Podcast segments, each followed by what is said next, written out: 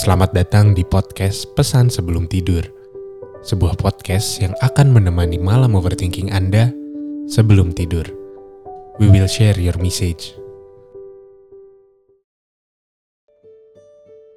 Orang-orang kuat adalah kita yang sering jadi badut untuk orang lain. Yang rela jadi pelampiasan rasa sedih, pelampiasan patah hati, dan pelampiasan luka hebat dari orang yang kita sayang. Kita rela ngabisin waktu yang kita punya buat nemenin dia yang lagi sedih, yang butuh dihibur, yang butuh ditemenin, yang butuh kasih sayang. Kita juga rela jadi tempat cerita untuk dia yang kita sayang dan kita peduli. Kadang kalau dipikir, lucu juga ya. Terasa bodoh juga kadang. Kenapa kita sampai segitunya? Apakah cinta yang kita punya serendah itu levelnya? Apakah cuma untuk jadi pelampiasan? Atau mungkin itu adalah bentuk rasa sayang tertinggi yang gak pernah dilihat sama orang lain. Dan yang gak pernah dihargain sama orang lain.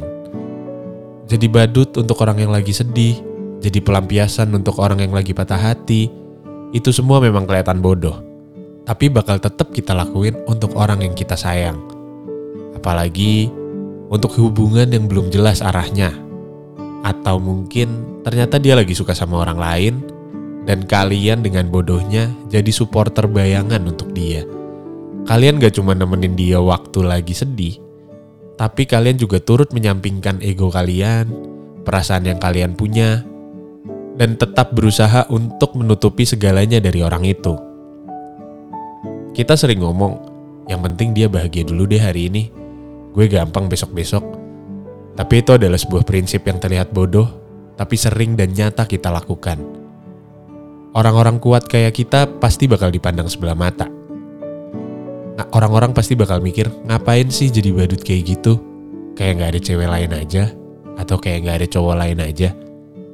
Memang mereka ada benarnya. Di luar sana masih banyak orang-orang yang lebih layak dan lebih pantas untuk dapetin kita.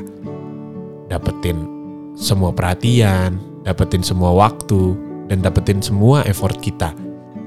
Tapi mereka juga gak akan ngerti rasanya ngabisin waktu sama orang yang kita sayang. Ngabisin waktu sama orang yang memang benar-benar kita pilih. Berusaha ngehibur orang itu meski ujung-ujungnya ditinggal. Mereka nggak tahu rasanya berjuang meski nggak dihargai. Waktu sedih ke kita, tapi waktu bahagia ke orang lain. Satu rasa menyenangkan jadi tempat pelampiasan itu. Ketika kita berhasil jadi badut yang sukses. Alias, kita berhasil buat dia merasa lebih baik dari sebelumnya. Kita berhasil buat dia ketawa, tentunya dengan cara kita sendiri. Kita juga berhasil menyembuhkan lukanya, walaupun secara perlahan. Entah akhirnya kita bakal bersama atau enggak, itu urusan belakangan. Yang penting, dia sembuh karena kita.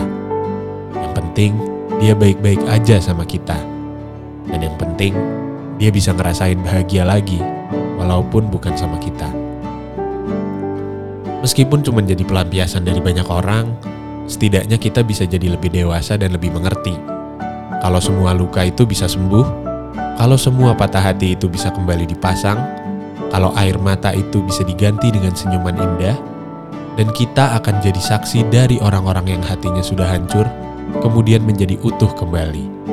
Dan kita akan menjadi saksi dari cinta yang kembali lahir dari hati yang sudah beku.